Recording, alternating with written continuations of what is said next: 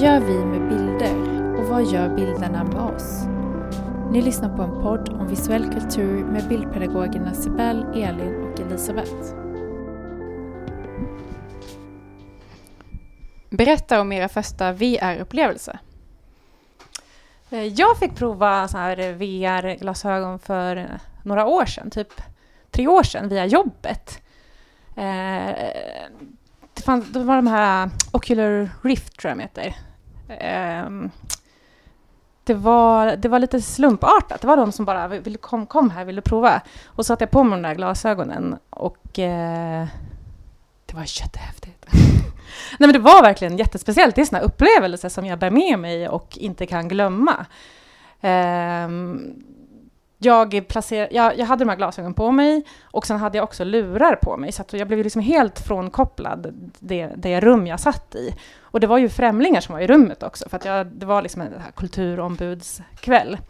Eh, men de verkar ju trevliga, så jag kände mig trygg så, som tur var, för att man är ju liksom det är som en resa man gör. Och jag, eh, det hände massa grejer när jag vände på huvudet då, så att jag såg olika saker och plötsligt så murades det upp så här, tegelvägg jättetajt kring min stol där jag satt. Och jag har lite så här klaustrofobi, så jag bara, ja men man får så här hjärtklappning och jag blev lite rädd. Och sen plötsligt så bara rasar hela den här muren och så tittar jag ner och då befinner jag liksom, jag sitter ju på en stol hela tiden, det gjorde jag ju på riktigt också, så det gjorde ju också att det blev väldigt så här verklighetskoppling. Men då plötsligt när jag tittar ner, då sitter jag på en en tunn planka högt uppe så här, som är lagd över en så här skyskrapa typ. Och sen så tippar hela plankan så min stol kanar iväg och jag tar tag så här, i, i armstöden och typ så här, skriker högt. Alltså det var verkligen eh, väldigt verkligt. Och när jag tog av de här glasögonen sen så var jag liksom helt omtumlad. Eh, och att det var väldigt mycket att smälta efter det. Att jag satt på den här stolen men, och jag hade de här människorna runt omkring mig. Men eh, de, ja, och i det sammanhanget så var jag till skillnad mot dem med om en helt galen, eller massa galna upplevelser, fast jag fortfarande var satt på den här stolen. Eh, jättespeciellt. Det är första och enda sån riktiga, liksom, eh, sen har jag haft lite såna här kartongglasögon och så, men det här var, det här var jättespeciellt. Jag trodde du skulle säga första och sista, att du kanske var traumatiserad nu efter det här. Det Nej, lät, det inte jätte... så. Det var väldigt eh, jobbigt. Ja, du då Elin? Eh, det var i våras på BUFF, barn och ungdomsfilmfestivalen i Malmö. Eh, jag var på ett seminarium med en kvinna som var teolog, eh, teaterregissör och VR-producent. En väldigt häftig kvinna. Eh, och det var en ganska så kort upplevelse eh, hämtad från en sekvens ur Alice i Underlandet. Så när man tar på sig det här headsetet och hörlurar hade man också, så man hörde musik. Så började man med att falla i brunnen, precis som Alice. Eh, och det, jag har samma upplevelse som, som du, att jag tyckte att det var skithäftigt. Just det här att man kunde vända på huvudet i alla riktningar. Tittade jag neråt så såg jag liksom hur jag föll i tunnel. Samtidigt som jag kunde titta uppåt och vrida huvudet åt alla håll och verkligen se den här brunnen. Man föll ganska sakta, men jag kände i magen samma känsla som man känner när man faller på riktigt. Och sen landade man i botten på brunnen och då kunde man gå runt lite grann i eh, en värld där det fanns, den här katten fanns där, det fanns en, eh, en stor larv, blommor, svampar och så kunde man hitta en flaska och så drack man flaskan och då krympte man och blev pytteliten och så blev allting runt omkring en växte. Och det var roligt just med Alice i Underlandet. Ja, det var en väldigt tacksam tror jag VR-upplevelse just att det blev de här förskjutningarna, att falla och sen så kunna krympa. Eh, och jag gissar att man säkert kunde växa också på något ställe. Men det var en ganska kort test, men jag blev helt såld. Alltså den eh, flaskan, kunde du liksom ta den Jag kunde ta den, för jag hade, just det, det glömde jag säga, jag hade eh, kontroller också i handen, i båda händerna. Mm. Så om jag rörde händerna, då kunde jag liksom plocka upp saker och ta på saker. Så jag kunde ta flaskan och så kunde jag liksom, ja men vet när man dricker en flaska, att man liksom lyfte den uppåt och då tömdes vätskan och då krympte jag. Wow. Mm. Du Decibel? Eh, jag hade en ganska så poetisk första VR-upplevelse. Inte om ni vet vad Osynliga Teatern är för någonting? Mm, nej. Det är, de har väl några föreställningar per år. Jag tror att de har lite med radio att göra på något vis. Eh, lite osäker sådär. De hade nyligen eh, något som handlade om eh, döden och om eh, vård i livets slutskede och sådär. Eh, men det jag var på var att min kompis hade dragit med mig på någonting som jag inte visste någonting om. Jag visste att det skulle handla om eh, en man som hade flytt från Syrien i princip. Eh, och vi står liksom vid eh, personalingången till Dramaten och blir insläppta och får gå upp längst upp i huset och gå förbi en massa sådär dra Dramatens skådisar på vägen. Så det är lite så här eh, märklig känsla, man blir lite starstruck. ehm, och så kommer vi upp längst upp och då är det någon som sätter på oss de här glasögonen och det är helt svart. Vi blir tagna i händerna och inledda i ett rum och eh, får sätta oss på en stol. Eh, och sen när alla har kommit in i rummet så får vi se ehm, ett hav. Jag tror att det började så i alla fall. Och eh, så först sitter jag bara och kollar framåt liksom, för jag vågar typ inte röra på mig för att jag är så rädd. Det känns så himla konstigt bara liksom. Jag fattade nog inte ens att jag kunde kolla mig omkring. Så jag ser ett hav framför mig och jag har också såna hörlurar så det blåser runt omkring mig. Men det sjuka är sen att när jag tittar ner, då har jag liksom så här en, en mans ben, ett par shorts och eh, ett par sandaler på mig. Och det här är liksom så här senvinter eller någonting så att egentligen har jag, är jag fullt påklädd. Och så kommer jag ihåg att jag fick den här jättekonstiga kroppsliga upplevelsen av att mina händer hade jag liksom i kors över magen liksom. Men hans händer låg på låren. Och det var som att jag inte kunde fatta om det var mina händer eller inte. Så jag var liksom tvungen att börja så slå lite på, på mina armbågar för att förstå vad som var mina händer. Som någon konstig så här, fantomkroppskänsla. Eh, och sen fick man följa med då. Men då eh, rördes inte hans händer? Nej, Eller, nej. nej precis. Så det blev ju också jättekonstigt. Sådär. Mm. Det blev så felslutning i huvudet. Eh, och sen så började en röst då berätta om sin flykt från Syrien. Eh, om båten över havet och eh, också från början när de hade protesterat. Och då kom man in i en annan scen där det bara är en massa skor i ett mörkt rum som står och, och ryker. Liksom. Och det är från alla, liksom, alla han känner som har dött då. Eh, så får man följa med hela hans historia och sen så sitter en man i en VR, ja men den mannen man har varit i princip, för vi fick i princip vara i hans kropp. Och sen plötsligt så sitter den kroppen mitt emot den i VR-synen. Och då ber de oss ta av glasögonen och då sitter han där. Eh, och det här var liksom helt... Eh, Ja, då sitter han där i, i verkliga livet. Precis.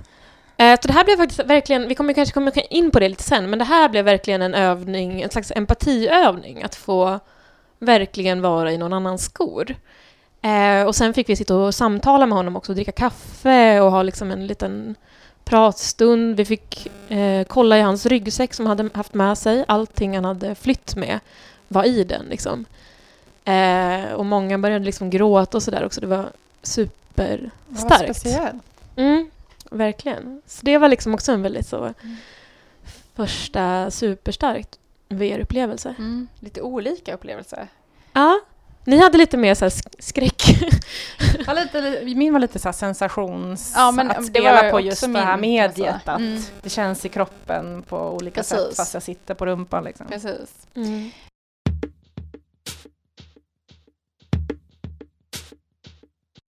Speciellt du och jag, Sibel, har ju Mm. blivit lite så intresserade av VR. Mm. Så vi gick ju på något som kallas för VR Sci-fest i maj. Eh, och som en mässa kan man säga som ordnas av KTH. Som har både utställning, föreläsare, workshop och så vidare. Man får prova ny teknik. Men vi var på något som heter VR Talks. Som är typ som TED Talks. Mm. Olika forskare, entusiaster runt om i världen som har 15 minuter på sig att presentera ett litet case, sin, Ja. sin, sin, liksom, sin forskning, någonting de jobbar med och så vidare. Mm. Då fick man ju verkligen höra om extremt olika områden som läkemedelsforskning eller eh, forskning kring kroppens biologi till liksom eh, grafisk design och Mm. hur man kan eh, jobba med det för att liksom överskrida eh, en fjärde vägg, kanske man kan säga. Precis. Eh, och vi ska prata lite mer om det här.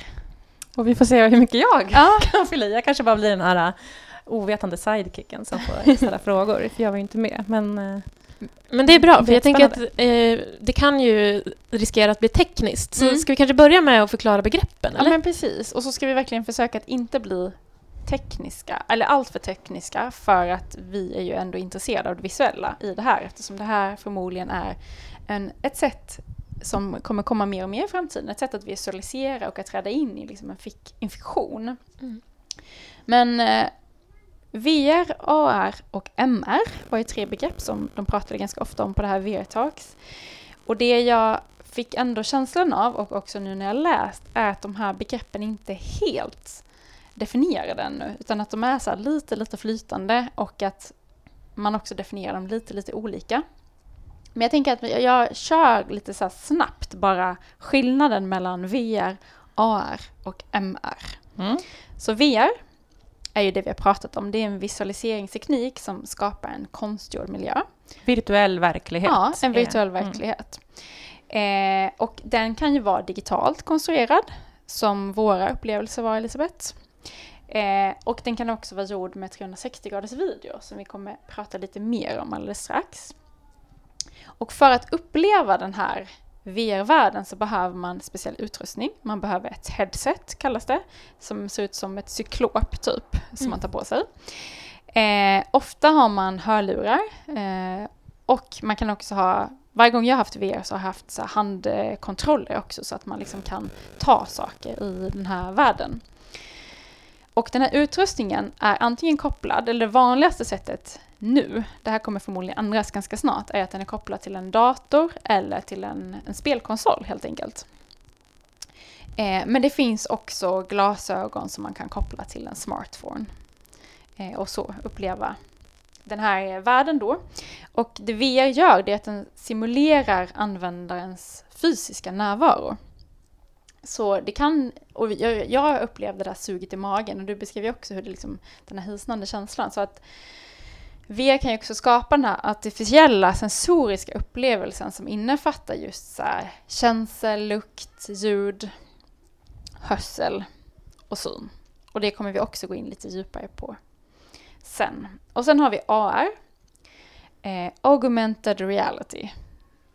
Jag är lite osäker på om Förstärkt verklighet tror jag man Bra, kan säga på svenska. Ja.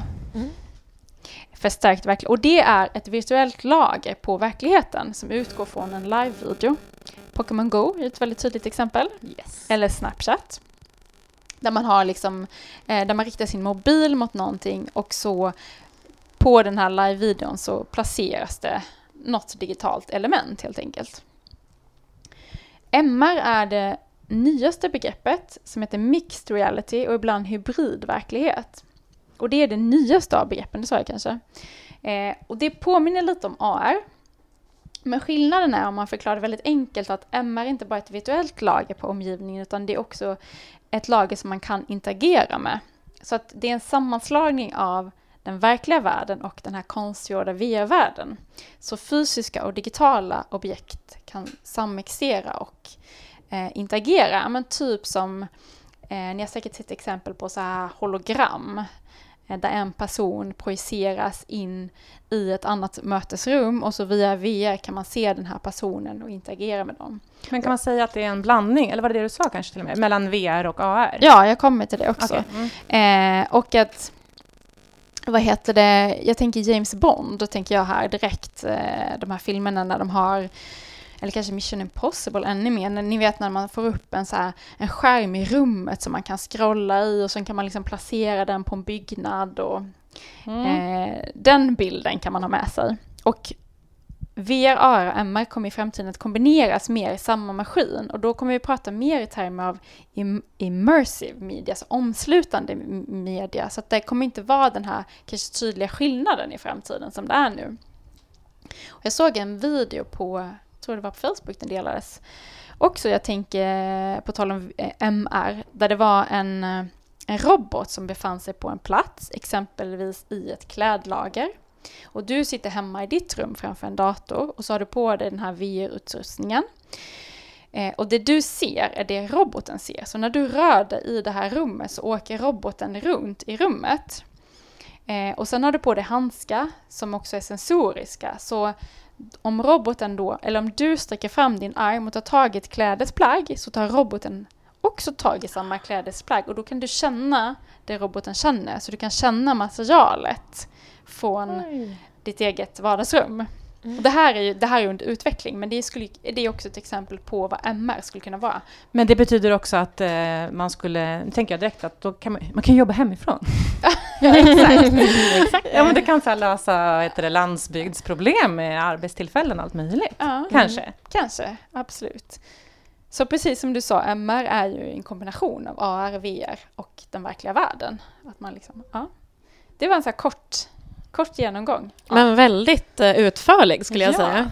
Och man kan väl eh, säga också att all den här tekniken är ju verkligen i sin linda nu. Att det liksom håller på att utvecklas på ett ganska explosionsartat Ja. sätt och ingen vet riktigt liksom riktningar och Precis. tillämpningar. Eller det är, ja, det är mycket spännande som pågår. Och jag tänker att, det att de här begreppen kommer förändras längs med vä- äh, vägen och få nya betydelser också. Eftersom att det är under utveckling.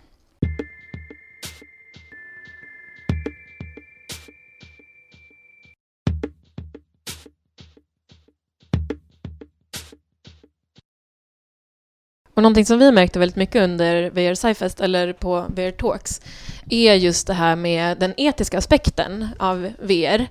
Eh, vissa kom in på det, andra inte så mycket. Eh, det kanske kom upp väldigt mycket liksom, i frågorna sen och sådär. Eh, ska jag ge några exempel på vad vi såg för någonting? Ja. Ja, det började då med en eh, forskare som eh, ville liksom eh, skapa en slags visualisering utav eh, kroppen och celler. Um, och då pratade han om att det finns ju faktiskt partiklar som är så små att de inte ens kan reflektera ljus. Och då kan man alltså inte riktigt veta liksom hur, hur det här ser ut och att han sa också att ingen visualisering är fel. Liksom. Utan det här är ju någonting bara för att liksom kunna förstå, ehm, förstå kroppen bättre. Ehm, och han pratade om att eh, den, den hette From Cell to City. Och då jämförde de cellen med ett grannskap, ett neighborhood. Att man skulle kunna då utforska kroppen på samma sätt som att gå runt i ett grannskap eh, fast gå runt i kroppen istället. För att, som ett sätt att förstå någonting. Liksom. Ehm, och då pratar de också om lite hur man ska visualisera och allting var ju väldigt vackert i det här. Det Det origami-känsla på cellerna. Precis, de nämnde origami också. Ehm, de nämnde att hur en molekyl viker sig avgör hur den används. De hade lite sådär, det finns en koppling till, till origami också för, för att förstå begreppet bara. Eh, där nämndes också gamification som jag tror kommer upp ganska mycket inom VR, alltså att spelifiera verkligheten lite grann.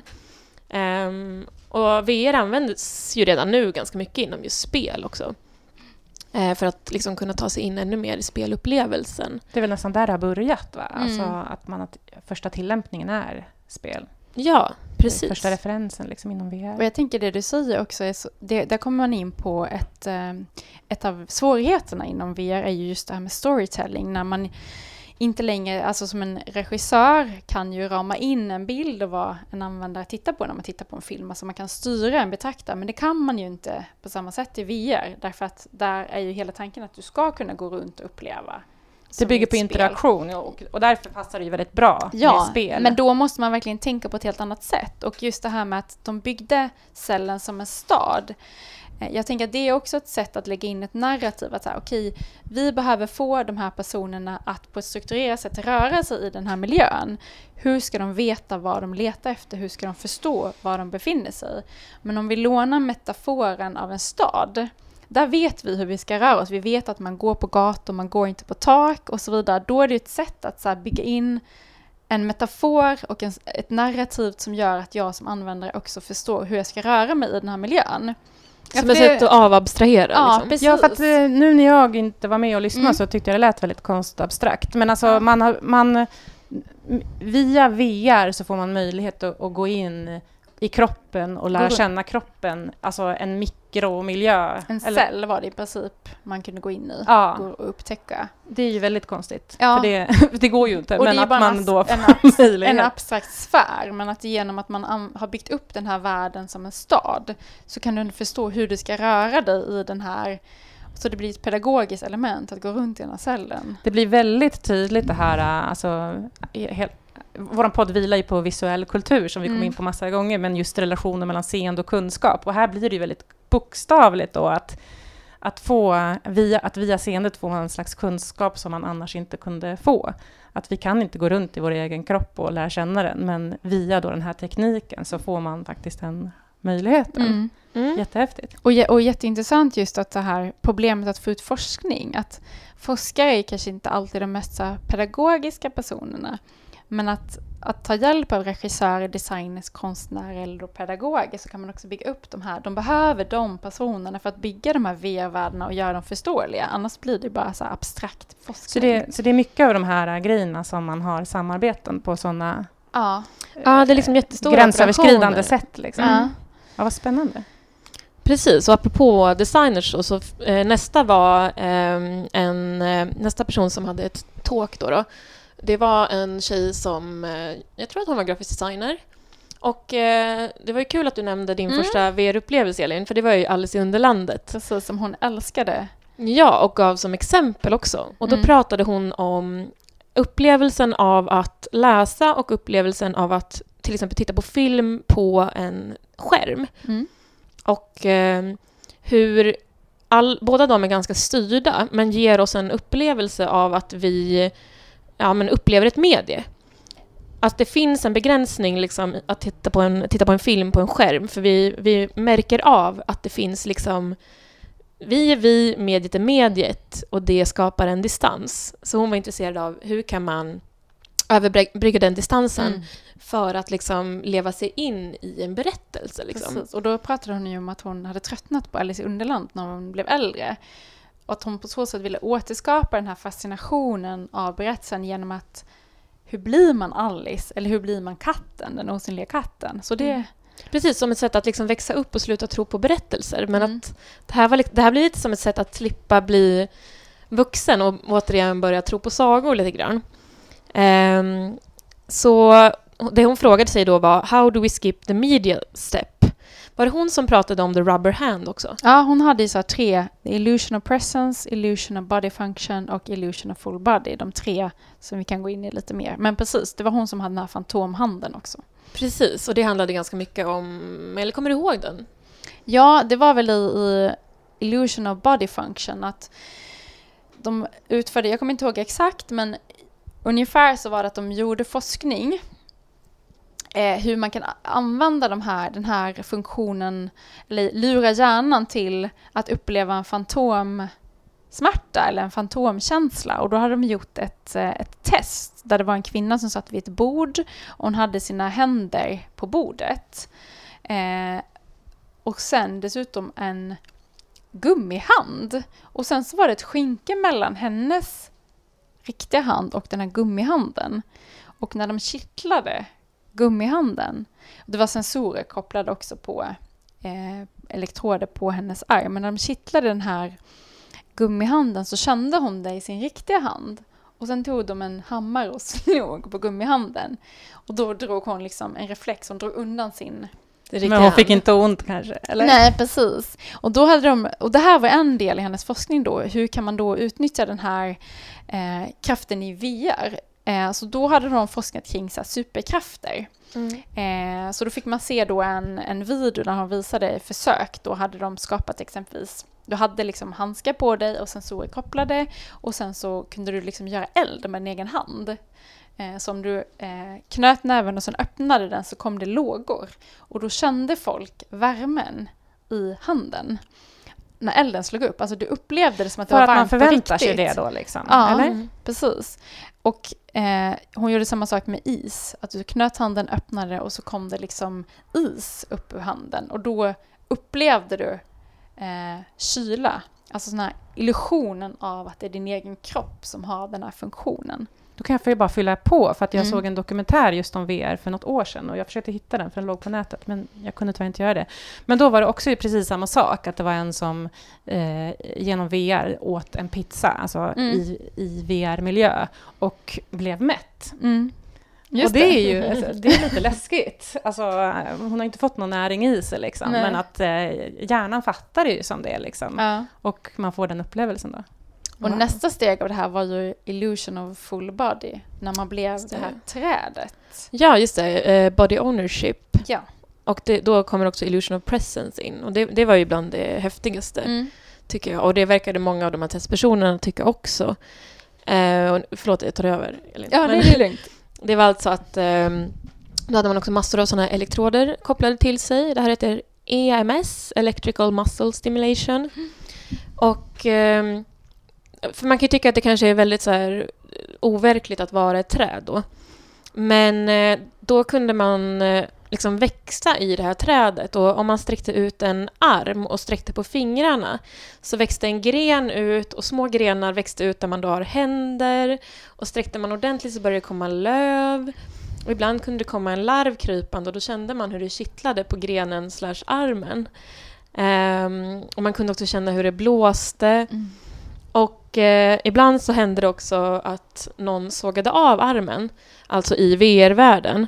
Eh, sågade av grenen, ja. förlåt. Ja. förlåt. Eh, och då tappade man eh, eh, stimulansen i de eh, elektroder som satt på armen och kunde känna liksom en slags känsla av att ha förlorat någonting. Mm. Men var det programmerat eller är det bara upplevelsen som styr? Att jag tror att jag har tappat känseln? Eller? Det kan kanske inte svara på. Alltså, Hur menar du? Jo, att om de sågar av grenarna, alltså är det elektroder på min kropp då som slocknar? Ja, precis. Ja, okej. Mm. Ja. Mm. Så att då liksom släcks de av via en dator då kanske. Eh, och det här hade ju folk blivit helt Ja. begeistrade av Ja. och liksom tagit av sig sina VR-glasögon och bara gråtit och varit så här, det här var det vackraste jag... Mm. Det är en Upplevt utomkroppslig upplevelse. Ja, precis. Och sista delen de pratade om var illusion of presence också, där man gick, där man, bara, man hade de här headsetet som vi pratade om och man, kanske, man har eh, sensorer och man har ehm, eh, handtag, eller vad man ska säga, utrustning man, eh, i händerna. Och sen så var man i ett rum också, man stod kanske på en platta som vibrerade, där det fläktar som blåste, eh, lukt i rummet. Så det här skedde liksom i det fysiska rummet där du befann dig som också eh, skapade, eller som skapade ytterligare liksom en, en dimension i att det verkligen var på plats. Och då, slog, då kom det åska och slog ner och då kunde du känna liksom när blixten träffade marken hur, hur det vibrerade där du stod. Genom effekter i det fysiska rummet. Ja, precis, precis. Precis, så hon, hon går alltså på MIT Media Lab Ja. och, eh, och hennes mål var ju lite grann det här med att hur ska vi få folk att tro? Mm. Eller liksom tro på sagor, speciellt då. Och sen jobbade hon också i något bilföretag, eller hur? Och gjorde, höll på Ja, parallellt pratade med det här. Trafikskola också. Ja, men precis. En simulering där man körde runt, innan man tog körkort helt enkelt, du körde runt i en, en VR-stad och fick öva dig Ja, just på att köra bil. Det är bra. Mm.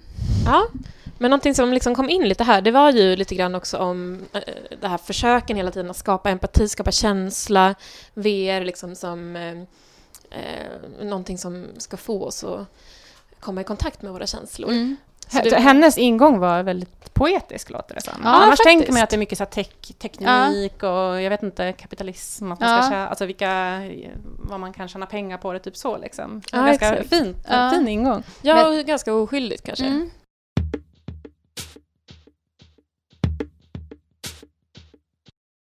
Alla de som pratade här var ju väldigt entusi- entusiastiska och ord som hela tiden återkom var ju det här känsla, uppleva, autenticitet, att känna att det var liksom, det är, det, det är dit man vill komma.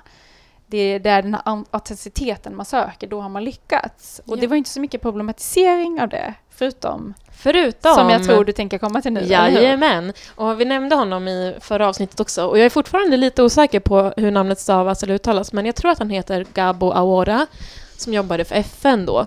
Som... Alltså han var nog min favorit Mm, ja, det från var det samtalet. För att han liksom gick eh, en bit till. För efter de här eh, två första så börjar man tänka liksom Ska någon problematisera kring det här med empati och vad som händer Mm. om vi blir avtrubbade? Och vilka Ehm. berättelser är bra att känna empati och upplevelse med? Exakt. Som vi tog upp också i förra avsnittet Ja, det. Mm. Hur kan man jobba med det här medvetet utan att Ja. liksom utnyttja det? Eh, och då gick han också igenom, eh, ni som har lyssnat på avsnitten får ursäkta upprepningarna nu, men eh, det handlar lite om eh, fotos historia, om eh, hur eh, media har jobbat med att skapa eh, och beröra sina, eh, från början då läsare kanske i tidningar och så småningom kanske lyssnare eller folk som tittar på Youtube och så vidare. Eh, så han liksom gick igenom hela fotohistorien i princip. Eh, och nämnde också Susan Sontag med det här med att vi kan också bli avtrubbade. Och så sa han det här med It doesn't necessarily turn you off, it might as well turn you on. Att det handlar om att vara lite medveten kring hur man jobbar med empati. Um, och då sa han också Without imagination, no empathy. It paralyzes the imagination. Så att man kan liksom inte vara för tydlig i en VR-upplevelse. Eh, utan det gäller att spara lite grann till fantasin. Eh, och han jobbade alltså för, alltså FN och då handlade det mycket om eh, hur man ska kunna befinna sig i krigssituationer om man aldrig har befunnit sig i en krigssituation utan att bli helt överrumplad. Eh, så han menade, vi ska nog inte visa bilder som är helt fruktansvärda. Utan det handlar om att göra det här påtagligt eller någon, ja, men avabstraherat, precis som den här första talaren sa. Um, och då kanske man ska sätta sig in i bara någons vardag. Då nämnde han det här med en, en syriansk flicka i ett eh, flyktingläger. Som ehm, där kan man gå omkring och utforska, apropå det här med att man kanske har en känsla av att liksom gå omkring i en stad eller en ort och gå och titta runt, liksom, se vad folk gör för någonting. Alla har en vardag, så det är lättare att knyta an till någon mm. annans vardag än att knyta an till en extrem situation som man själv inte varit i. Då. Exakt. Ja, ni, ni märker också att det är väldigt tydligt vem det här riktar sig till också. Mm. Men det handlar väl om att liksom presentera eh, arbete för sådana som liksom inte kan sätta sig in. Liksom. Mm. Ja, den var jätteintressant tycker jag också. Mm. Eh, och sen så var det också en kvinna från tidningen The Guardian där. Och det här tycker jag också är lite intressant när man kopplar ihop journalistik och VR. Eh, och hon hade de, eh, The Guardian hade skapat fyra olika VR-upplevelser som man kunde uppleva via smartphone. Eh, och det ena var upplevelsen att befinna sig i en isoleringscell. Eh, där, de, där man helt enkelt med hjälp av utrustning då fick uppleva den här cellen och sen så var det ett narrativ som berättade om folk som har suttit instängda i isoleringscell. Eh, man kan uppleva första året av ens liv, alltså från att födas till att fylla ett år. Eh, att kunna se, att börja se, att börja gå, alltså alla de här Oj, lite Wilhelms, allt det där man aldrig Wilhelms år. Precis. Eh, och man kan uppleva hur det är att vara autistisk. Just det, det var någonting som hette The Party. Uh, visual experience of autism. Mm. Och sen så var det en dans, en mer konstnärlig upplevelse, någon slags dansvideo. Och det här funderade jag ganska mycket på just med så journalistik och känslor.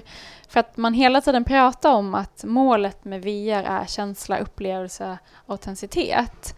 Och så tänker man liksom, alltså jag tänker källkritik här att man har ju en bild av att och, journalistik ska på något sätt försöka förhålla sig objektiv och redogöra för saker. Men om man då blandar in känslor, där målet är att påverka folk, att uppleva och verkligen så spela på känslor. Vad händer med journalistiken då? Spela på känslor har vi faktiskt tidigare tagit upp ja, som ett propagandamedel. Precis. Mm. Och liksom vem väljer ut vilka nyheter som är värda då att spela på känslor vad ska man berätta, vilka känslor ska väckas kopplat till den här nyheten, vem ska göra det urvalet? Eh, och hur blir det med objektiviteten? Alltså ja, jag vet inte, jag, jag, jag, hade velat höra lite mer om hennes tankar kring just det här. Mm. Ja men tänk om Aftonbladet börjar göra så här VR-upplevelse om lite så saker de tycker är viktiga. Ja, då skulle jag vilja poängtera att ah. jag jobbar på en konsthall där faktiskt DN hade ett verk eh, för inte så länge sedan som eh, var en... Det var under tiden när det ställdes ut en utställning om eh, krig och krigsbilder.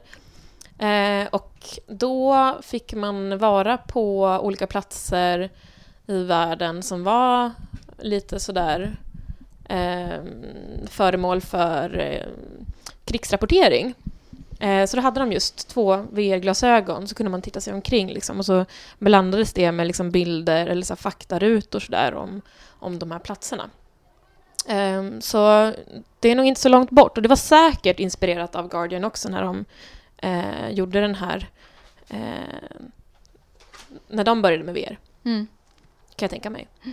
Men visst är det värt att verkligen så fundera över journalistikens roll och om journalistiken ska syssla med känslor. Det kanske den ska, jag vet inte. Och det har men de väl alltid gjort också? Det har den kanske alltid gjort på ett sätt. Men man tänker att den inte ska hålla på med känslor utan den ska vara den här objektiva rapporteringen. Fast ja, sen gör man större reportage som, ja jag vet inte. Ja. Ehm, Eller så är det så att det alltid, aldrig har varit objektivt och Nej, nu det det blir det ju desto tydligare. Men Fast det- ja, nej, jag håller med om att det Ja. verkligen är eh, någonting att fundera på. ja. Ja, och kring det här med autenticitetskänslan också. Att eh, eftersom känslan av VR är så otroligt verklig så blir det ju intressant kring hur man tänker med fake news till exempel. ja, men precis. Eh, att det är ganska svårt att eh, stå emot det här liksom. Mm. Ja, men om SD börjar göra VR-upplevelser, autentiska VR-upplevelser eh, i sitt syfte, det, det ja. Ja, jag tänker liksom, du kände ju att du var i någonting verkligt i Alice i Underlandet till exempel. Och det tänker jag säger någonting, det är ganska poetiskt att det om Al- Alice i Underlandet kan kännas verkligt så kan ju Mm. nästan vad som helst göra det. I den här dokumentären då, som jag refererade till, innan så hade de också gjort experiment eh, just på barn som fick prova VR-miljöer. Eh, och nu kommer jag inte ihåg exakt vilket, till vilken ålder, men att de upptäckte att eh, Eh, efter... Eh, det var, de fick prova simma bland valar. En ganska häftig upplevelse. så. Eh, och då satte ju på sig de här glasögonen och alltihop. Men när det hade gått några dagar, så de små barnen, om de var fem, sex, sju eller något sånt där, de kunde inte sen komma ihåg att det inte hade hänt på riktigt. Alltså det blir lite som... eh, Alltså det var en upplevelse som de bar på och de har glömt bort att det, att det var en upplevelse via VR. Och det är ju precis så verkligt och man Mm. kan ändå lätt föreställa sig att som ett barn då att man kan inte skilja på det. Typ som djur som inte vet om de drömmer eller är vakna. Det är också lite... Mm. Alltså jag tycker det här händer bara, eller jag vet inte om, om jag undrar om jag tagit upp det någon gång, men eh, när jag har rest eller ska till en ny stad, då brukar jag alltid liksom gå in på Google Earth och sen så, ja men du vet så här, passera den här lilla gubben i staden och sen gå omkring. Liksom. Jag ska åka till Italien några veckor och då kände jag att jag skulle så här, utforska byn innan jag var där för att Jaha, kolla lite så här, tittar vart kan vi liksom på- käka Mm. någonstans, vart kan vi handla mat?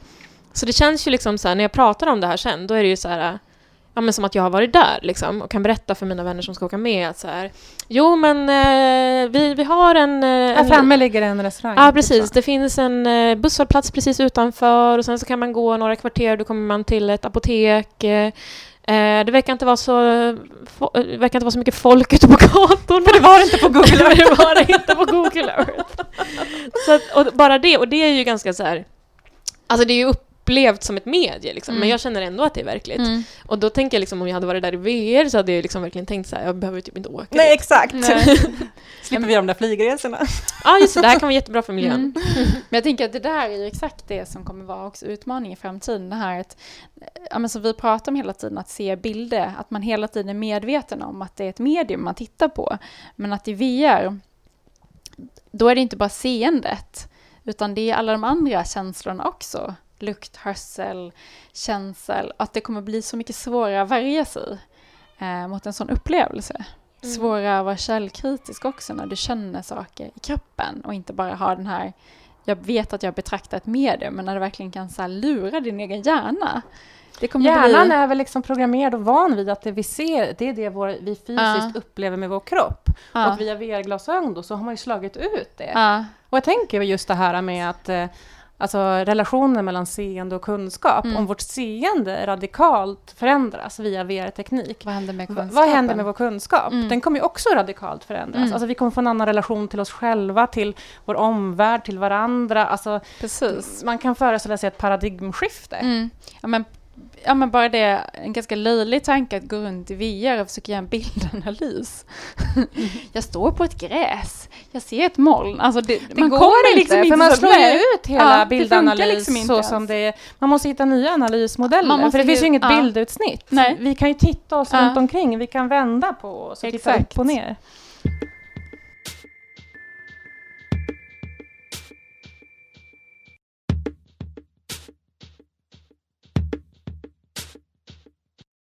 Så vad tänker ni kring framtiden då? Liksom? Vilka användningsområden tror ni kan liksom både dra nytta av de här, kanske lite mer positivt och vad finns det för... Men jag tänker just i VR så tänker jag liksom att utbildning och underhållningsbranschen och såklart porrindustrin kommer det bli Det kommer stort och större. på. Men jag tror att, eh, att det största genomslaget kommer bli när man kombinerar de här teknikerna MR faktiskt. Att det kommer bli ännu större tror jag. Det här du pratade om i ett tidigare avsnitt, när man Om går och dej- man dejtar någon och slår på och får info. Eller vad var det? Nej, men jag tänker Att man får massa omslutande- information liksom, Ja, den här sin om- omslutande Mm. där det inte längre finns en tydlig gräns mellan det digitala, alltså den virtuella och den verkliga världen, utan när de världarna är helt integrerade. Man kan ju föreställa sig i alltså en, en framtid längre fram så kommer vi inte ens ha de här begreppen. Nej, För att det är vår tillvaro. Exakt. Det är som att liksom prata om så här, jag vet inte vad, att det är Precis. luften vi andas liksom. Att, Precis, så är det ju verkligen. Och, och också så här kombinationen eh, med AI kommer ju också revolutionera säkert på flera sätt, tänker jag. Mm. Och sen är det intressant då också att tänka på alltså bilden av framtid. Alltså man tänker ur film, ex- exempelvis. Jag såg den här filmen Ready Player One. Har ni sett den? Nej. nej. Det är en, en eh, bok från början från 2011 som, jag tror att det var Steven Spielberg som gjorde film 2018, i år kom den. Eh, inte så jättebra film, men då är det en pojke som är huvudrollen och vi befinner oss i en framtid där men en ganska så här dystopisk framtid där civilisationen har gått under, folk lever liksom i, i skjul, det ser ut som en soptipp nästan, eh, och där alla som bor söker sin trygghet i VR, i en så här gemensam värld som kallas för Oasis. Det är där man liksom umgås. Man var, om jag säger så här, man vaknar på morgonen i den fysiska världen, eh, man kanske äter någonting och sen går man till sin VR-rustning, kopplar på sig sina glasögon, sätter på sig en dräkt kanske, ställer sig på någon slags eh, platta som, som rör sig och sen så går man in då i Oasis man umgås, man möts, man har en avatar där som man helt enkelt är. Och så kan man välja och eh, förändra den avataren så. Men, men man lever liksom i VR, i den världen. Och den verkliga världen är där man sover i princip bara kan man säga. Mm. Eh, ja, så det är ju en möjlig framtid. Ja, ja, vi har ju pratat väldigt mycket om populärkultur här och att det blir ju på något vis något som eh, förverkligar sig själv lite grann också. Ehm, och jag tänkte nämna en artikel, Mm. apropå AI lite och så också, eh, som jag läste häromdagen, som är mm, också skriven av en person som jag känner lite, det känns lite som att vi bara så här promotar folk vi känner typ lite i den här podden. Men det här var jättebra skrivet. Eh, det är alltså Lyra Colli som har eh, skrivit en artikel i SvD som heter Sexrobotarna är här och vi borde vara oroliga. Jag tyckte det knöt an lite grann, eh, speciellt till det här med etik och, eh, och VR och AI och, och framtid och så. Eh, just vad som händer med mellanmänskliga relationerna. Eh, för det finns väldigt många företag nu som utvecklar robotar och det har det ju funnits sedan länge, så jag menar Japan har hållit på med det här sedan 90-talet. Men nu är det ju mycket mer verkligt. Och hon skriver då speciellt om två företag. Dels eh, Hanson Robotics. Och de har utvecklat en robot som ni säkert har sett som heter Sofia. Känner ni igen det? Som är liksom, det finns så mycket intervjuer med henne när hon svarar liksom väldigt så adekvat på frågor. Ja, just och, det. Ja, Ja, kanske. Ja. Mm. och sådär liksom kan svara väldigt liksom tydligt på men hur känns det och så vidare. Och eh, väldigt så superutvecklad liksom. Ehm, och sen så finns det ett spanskt företag, eller en spansk utvecklare som heter Syntea Amatus.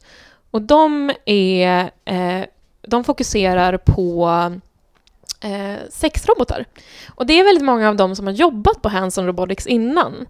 Och Hanson Robotics, och när de tog fram Sofia, de fokuserade mer på att de ville ta fram en robot för äldrevård, skola, kundservice, terapi, alltså mer så samhälleliga funktioner. Eh, men, och det kunde man väl tänka var lite så väntat kanske, men eh, så småningom så insåg man då att så här, men gud, porrindustrin, där finns det ju pengar att tjäna.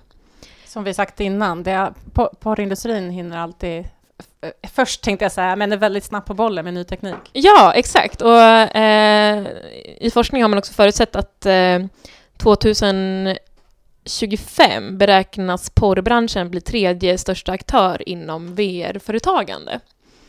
Eh, så det är ju inte så långt härifrån. Eh, och den här Syntea Matus då, de eh, har dels tagit fram då en, eh, en robot som kan ha den här erogena zoner, den kan få orgasm.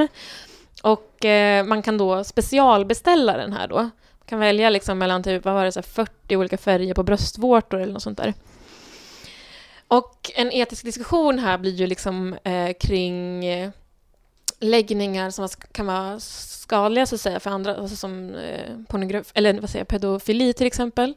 Eh, om huruvida det eh, är bättre då att man har en sexdocka i form av ett barn eh, och om då läggningar, läggningar förstärks eller urladdas eller vad som händer. Jag menar, det är en ganska stor diskussion som vi inte behöver komma in på. Men man kan ju också fundera på vad som händer med verkliga relationer, om de här ska efterapa verkliga relationer eller om de ska liksom gå utöver sådana. Eh, så hon nämner också ett begrepp som heter Uncanny Valley som var någonting som eh, myntades på 70-talet av någon som heter Masahiro Motto. Och eh, då handlar det just om det här med eh, att kunna, alltså om man ska ha en verklig relation med en robot, om man verkligen kan det, för att den är nästan mänsklig, men ändå inte. Och att vi kan känna empati för robotar som inte är så mänskliga. Det finns ju väldigt många så gulliga robotar som ser ut som man tänker sig att robotar i typ Disney-filmer ser ut. Liksom. Wall-E. Ja, Wall-E till exempel. Och, BB-8. Ja. Precis, jag såg någon sån liten robot på typ Saco-mässan förra året som jag bara tyckte var också jättegullig och att jag kunde känna empati för den. Men det här med Uncanny Valley, det är när det är precis nästan mänskligt men ändå inte. Ja, det syf syftar inte på det här, alltså en, en känsla av kuslighet. Alltså, Exakt, precis. Det är någonting man har svårt att förhålla sig till. För det, ja. Precis, det är lite som att se döda kroppar också. Att vi förstår att det är människor, men det är inte riktigt människor. Alltså det är mm. precis det här lilla som, eh, som gör att vi inte vet om vi ska känna empati eller inte. Ehm, så det pratar hon mycket om kan hända här med de här robotarna, att vi tittar på den men tittar den verkligen tillbaka? I princip möta sig själv fast ändå inte. Eh, Lira drar en parallell till eh, Pygmalion till exempel som blev kär i sin skulptur och Afrodite ger då henne liv. kan hon bära hans barn och han kan gifta sig och så vidare. Men på något vis så eh, är det väl en dröm om ett slags självöverskridande. Så det här kanske inte är varken bra eller dåligt, utan att det är bara eh, en spegling av människan själv och en del i liksom bara individualistisk konsumtion. Att det nästan blir just att man får önska sig en människa som är precis så som man vill ha den. Så då blir den ju bara som en liksom slags, inte avbild av sig själv riktigt, förlängning, men en alltså. förlängning. Ja. Precis, och hon pratade också om, och det här tyckte jag var jättesnyggt formulerat, men just så här, är det en förlängning, alltså en protes, eller är det, i, eh, är det faktiskt en amputation? Alltså att vi amputerar oss själva genom att vi blir okänsliga kanske. Eller... Man kan ju lätt föreställa sig att man får en lite märklig eh, relation till sin omgivning om man bara umgåtts med en robot eller någonting. Att det blir någon slags perverterad variant av socialt umgänge. Ja, jag ändå. tänker liksom också så här, någonting supernarcissistiskt i det också. Mm. Um, så jag tycker att det är fint ändå att det kan få vara, alltså kanske att oj vad det här kommer låta cheesy nu, men att kärlek kan få vara så komplex att det kanske inte går att robotisera. Men vad vet jag, vi får se.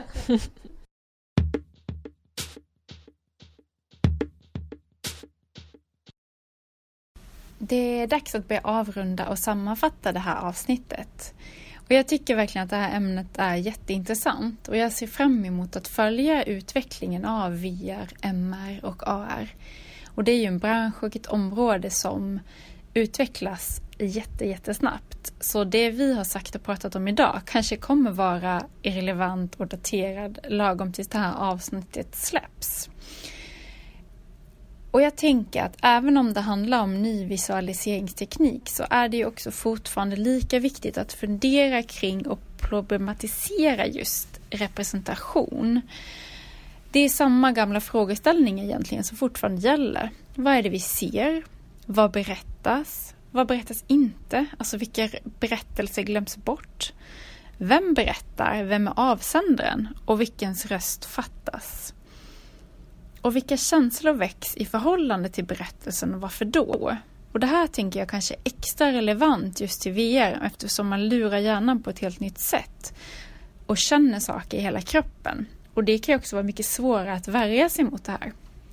Det är ju exempelvis inte bara en digital skog som man befinner sig i, utan någon har skapat den här skogen och bestämt vad du ska få se och vad som ska finnas i skogen och vilka gränser den här skogen har. Ett tips är att om man inte har lyssnat på vårt avsnitt Bilder som gör ont Eh, så kan man göra det för att där tar vi just upp den här aspekten av empati och känslor kopplat till bilder. Som såklart kan vara jättepositivt men som också faktiskt behöver problematiseras. Och eftersom vi entusiaster hela tiden återkommer till ord som känsla och empati, att det är någonting som man verkligen eftersträvar, så kan det vara extra viktigt att fundera över det här.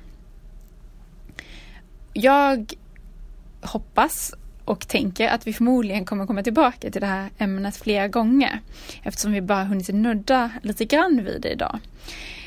Och än så länge så är ju området kring VR och så vidare begränsat ute i skolorna. Men det kommer förmodligen att se väldigt annorlunda ut i framtiden. Så det ska bli väldigt intressant att följa den utvecklingen också. Och sen vill vi också passa på att be om en tjänst. Så lyssnar ni på Bildpodden via app exempelvis så gå gärna in och recensera och ge betyg på oss. Eh, så vi uppskattar om ni ställer frågor om det är någonting ni undrar över. Eller Eh, önskemål om, eh, om ämnen för, för framtida avsnitt. Det skulle vara jättekul att få. Ja, så kan ni också följa oss på eh, Instagram, där heter vi Bildpodden. Yes, tack för att du har lyssnat. ja, tack för att ni lyssnat.